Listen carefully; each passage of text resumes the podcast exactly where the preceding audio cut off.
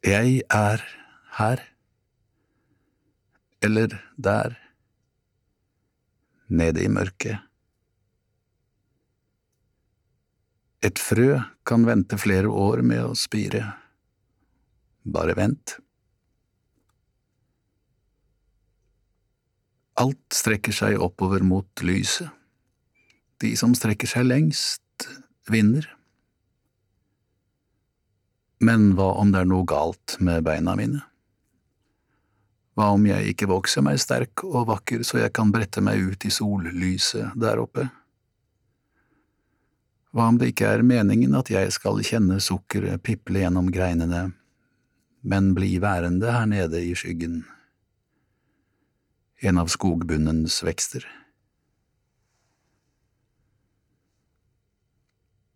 Langt oppe i nord, snøen blåsende over mørkt hav, der kommer jeg til å bli født.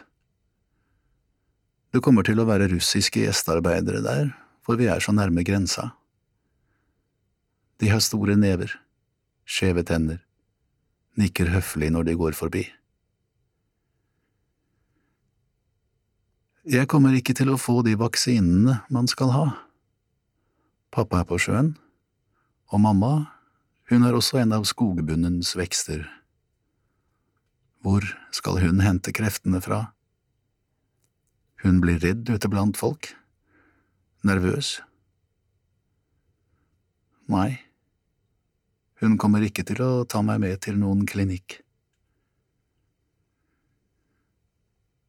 Det er gjestearbeiderne som kommer med sykdommen. Jeg blir lam fra hofta og ned. Armene mine kommer til å bli sterke.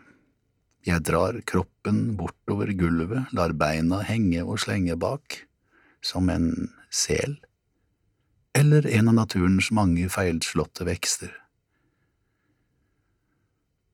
Polio, sier legen.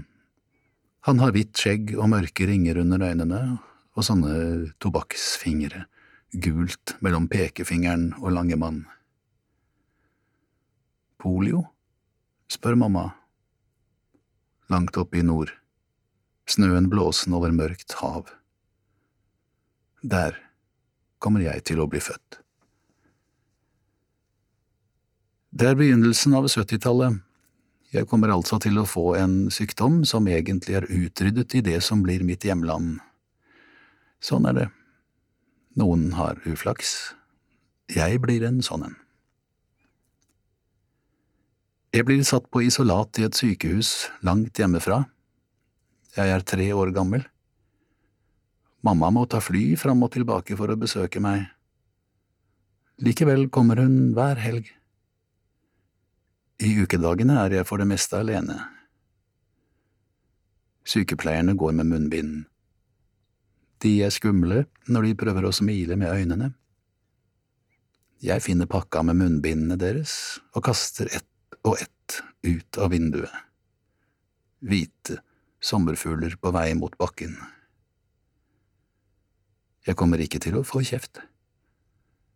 Derimot får jeg en leketelefon i rød plast.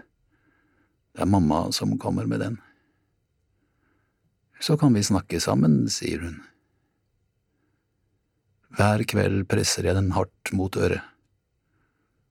Hallo, kommer jeg til å si. Er du der? Du har hørt utdrag fra Tyngde av Demian Vitanza.